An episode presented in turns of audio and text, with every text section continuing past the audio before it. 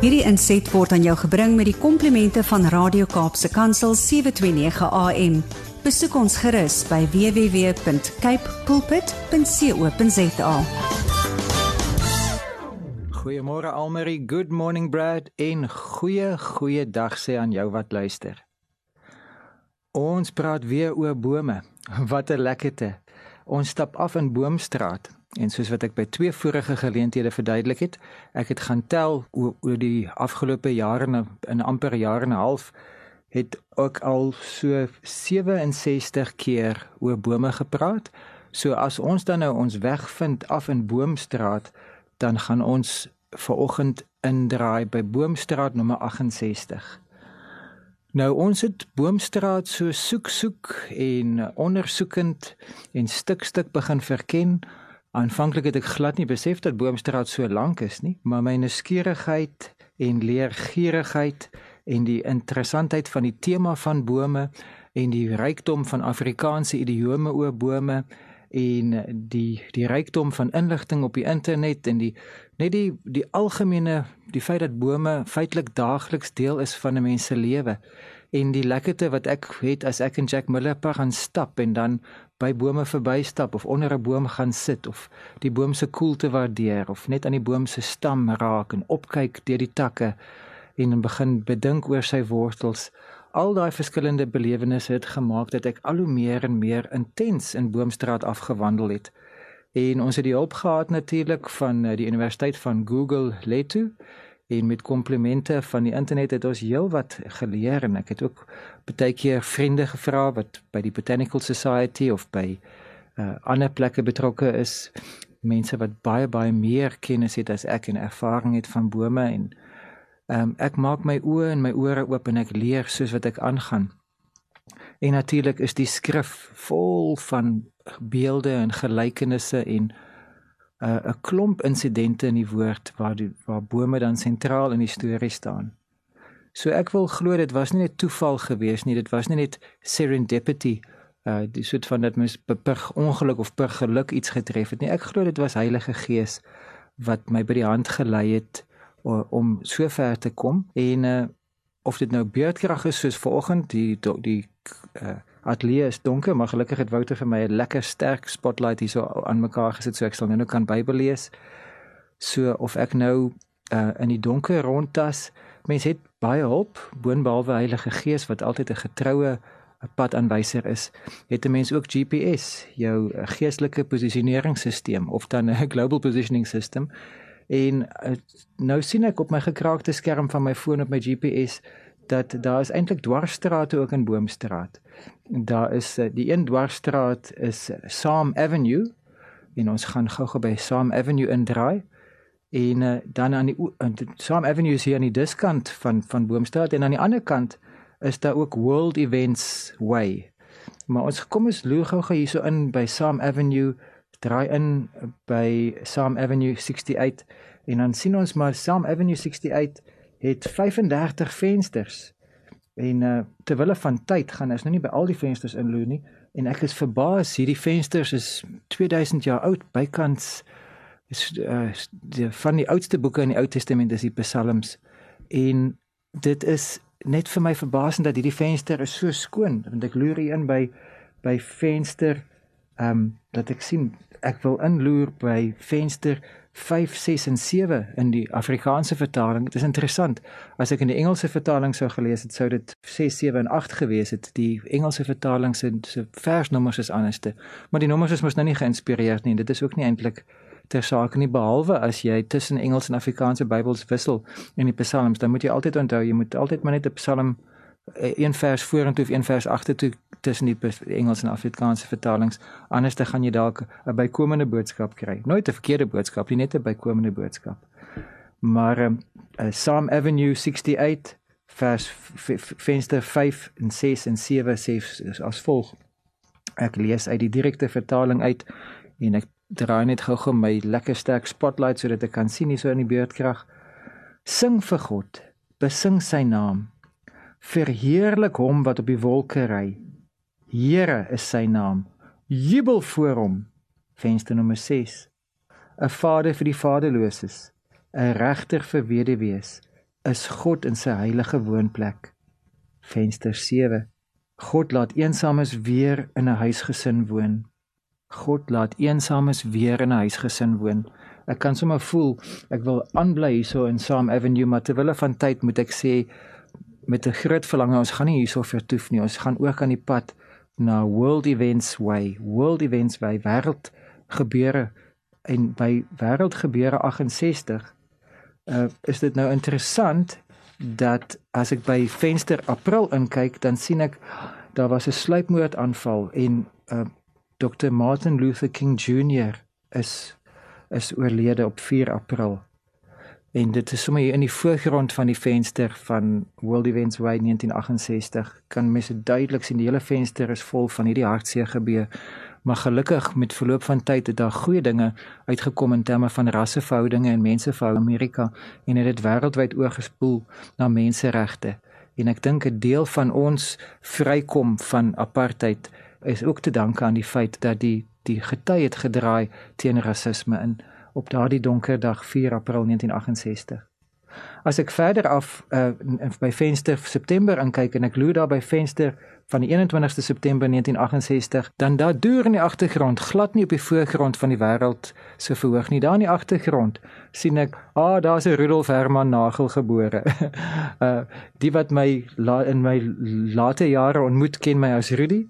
En oupa Herman het my blykbaar kartoffel genoem. Dis die Duits vir aardappel. Want kan jy glo, die ouens wat my persoonlik nou ken, weet ek is so skraal mannetjie, maar blykbaar was ek so pokkel geweest wat my oupa herinner het aan 'n aardappel. So kartoffel is op op 21 September gebore. Maar ons gaan nou nie vertoef by die World Event Day en al die belangrike en en vir my persoonlik deurslaggewende gebeurtenisse nie.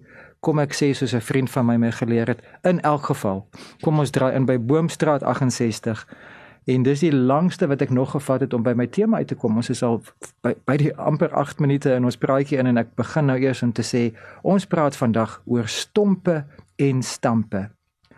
Stompe en stampe. En sien dit dat my GPS op my foon anders lyk like my Google Translate gooi hom uit as stumps and stamps stumps en stamps. Dit kan tog nie reg wees nie. Daar moet definitief 'n fout wees want stompe en stampe is tog nie stumps en stamps in in Engels nie. Maar ons sal by die stamp gedeelte sal ons uitkom nou net binnekort. In my in 'n vorige gesprek toe ons gepraat het in die bos het ek gepraat van hoe lekker dit is om by harde koolvuur te sit. Enrique Snell Adam Tas Bok van Black en Refensie het so 'n pragtige lied wat hulle sing van dis 'n harde so by my harde kool manne dis 'n voorreg om 'n harde koel te deel. Manne, dis 'n voorreg om 'n harde koel te deel en 'n 'n 'n goeie vriend het vir my die die video daarvan aangestuur en in in die video sit die manne so op strooibale, maar hulle kon net sowel op boomstompe ook gesit het uh dit sou want 'n boomstomp sit so lekker. Jy kan sit op 'n boomstomp. Uh, as jy in 'n rivier is, kan jy afdryf op 'n boomstomp. Jy hy hy, hy, hy maak 'n lekker vlot waarop jy kan kan sit of jy kan natuurlik balanseer op 'n boomstomp en uh, daar is baie mense wat dit nogal 'n sport maak, soos gimnaste kan op 'n balk balanseer of jy kan op 'n boomstomp balanseer. Daar's 'n ding wat hulle noem 'n lateria baan waar jy met hoog bo oor boomstompe gaan. En daar is natuurlik mense wat selfs 'n kussing geveg hou op 'n boomstomp om te kyk wie bly langste bly sit.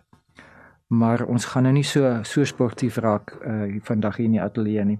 Uh as mense dit dan nou terugvat na die Engels toe en jy sê praat van 'n tree stump, dan sal dit nie noodwendig iets wees wat los bo op die grond rond kan rol of waar jy kan sit nie. Ook nie iets wat afdryf in die rivier nie. Dikwels is 'n tree stump is nog 'n ding wat wortels ingewortel is in die in die grond en En uh, iemand wat 'n boom verwyder uit jou erf uit, gaan die grootste deel van sy sweet en die grootste deel van die betaling gaan gaan vir die feit dat hy daai tree stump moet uithaal. Chemies en meganies en met sweet en met grawe en met uh, ek wil amper sê angle grinders met 'n kettingsaag en met 'n klomp kettings en met 'n sterk trekker en met nog meer sweet gaan hulle daai tree stump uithaal. En daai tree stump is gewoonlik dan nou 'n teken dat die boom verby is. Dis die einde van die tree stump. Maar Jesaja 11 vers 1 praat van 'n tree 'n tree stump, 'n stomp in die grond. Maar 'n takkie sal spruit uit die stomp van Isaai en 'n loot uit sy wortels sal vrugte dra. Kom ek lees weer Jesaja hoofstuk 11 vers 1 direkte vertaling. Maar 'n takkie sal spruit uit die stomp van Isaai en 'n loot uit sy wortels sal vrugte dra. Hierdie is 'n profetiese verwysing na Jesus en dat al is dit menslik gesproke dat die boomstomp dood is, is daar tog 'n nageslag, 'n remnant wat uitkom. Israel, die die nasie was 'n paar keer amper uitgewis, maar het elke keer weer uit uitgebot en en het oorleef, maar ons as gelowiges is ook verseker van oorlewing omdat Jesus die dood oorwin het. Jesaja 11 vers 1.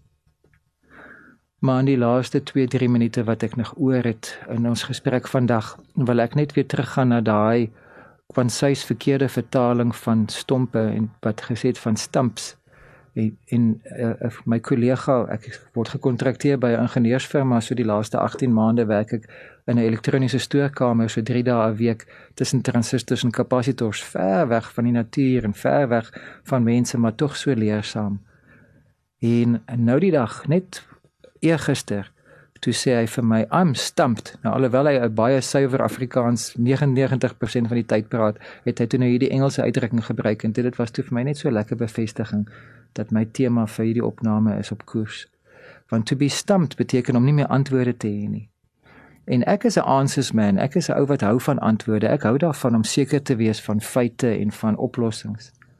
Maar die Here hou daarvan om ons eerder te lei in misterie in.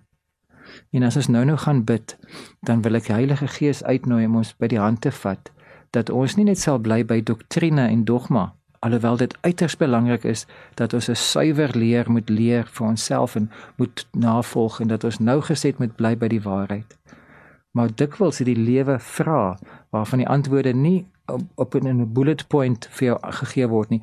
Die Here stuur nie vir jou 'n tweet uit die hemel en sê draai links en dan 50 meter vorentoe. Die Here werk nie soos 'n GPS nie. Hy is nie voorskrifklik nie.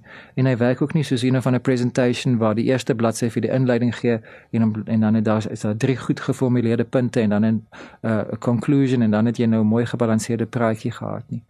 Sistematiese teologie is 'n wonderlike studieveld, maar die Here is nie 'n studieveld nie, hy's 'n persoon. En mens kan hom nie ten volle ontleed nie, jy kan hom nie voorspel nie. Ons kan hom leer ken en ons kan hom vertrou. Hy's betroubaar, maar hy's nie voorspelbaar nie. Let's stay stumped by the spirit en dat ons dan sal weet dat al ken ons nie al die antwoorde nie, ons leer hom beter en beter ken. Kom ons bid saam. Here, dankie Dankie vir parables waar u waarheid vir ons versteek sodat ons dit kan gaan soek en kan vind. Dit word vir ons weggebêre sodat ons dieper waarhede kan ontdek in u woord. Dankie vir die wonder ook van u karakter, die wonder van u natuur, die wonder van wie u is. Ek wil verras bly deur u. Ek wil verwonderd bly. I want to be stumped by your spirit in Jesus naam. Amen. Hierdie inset was aan jou gebring met die komplimente van Radio Kaapse Kansel 729 AM. Besoek ons gerus by www.cape pulpit.co.za.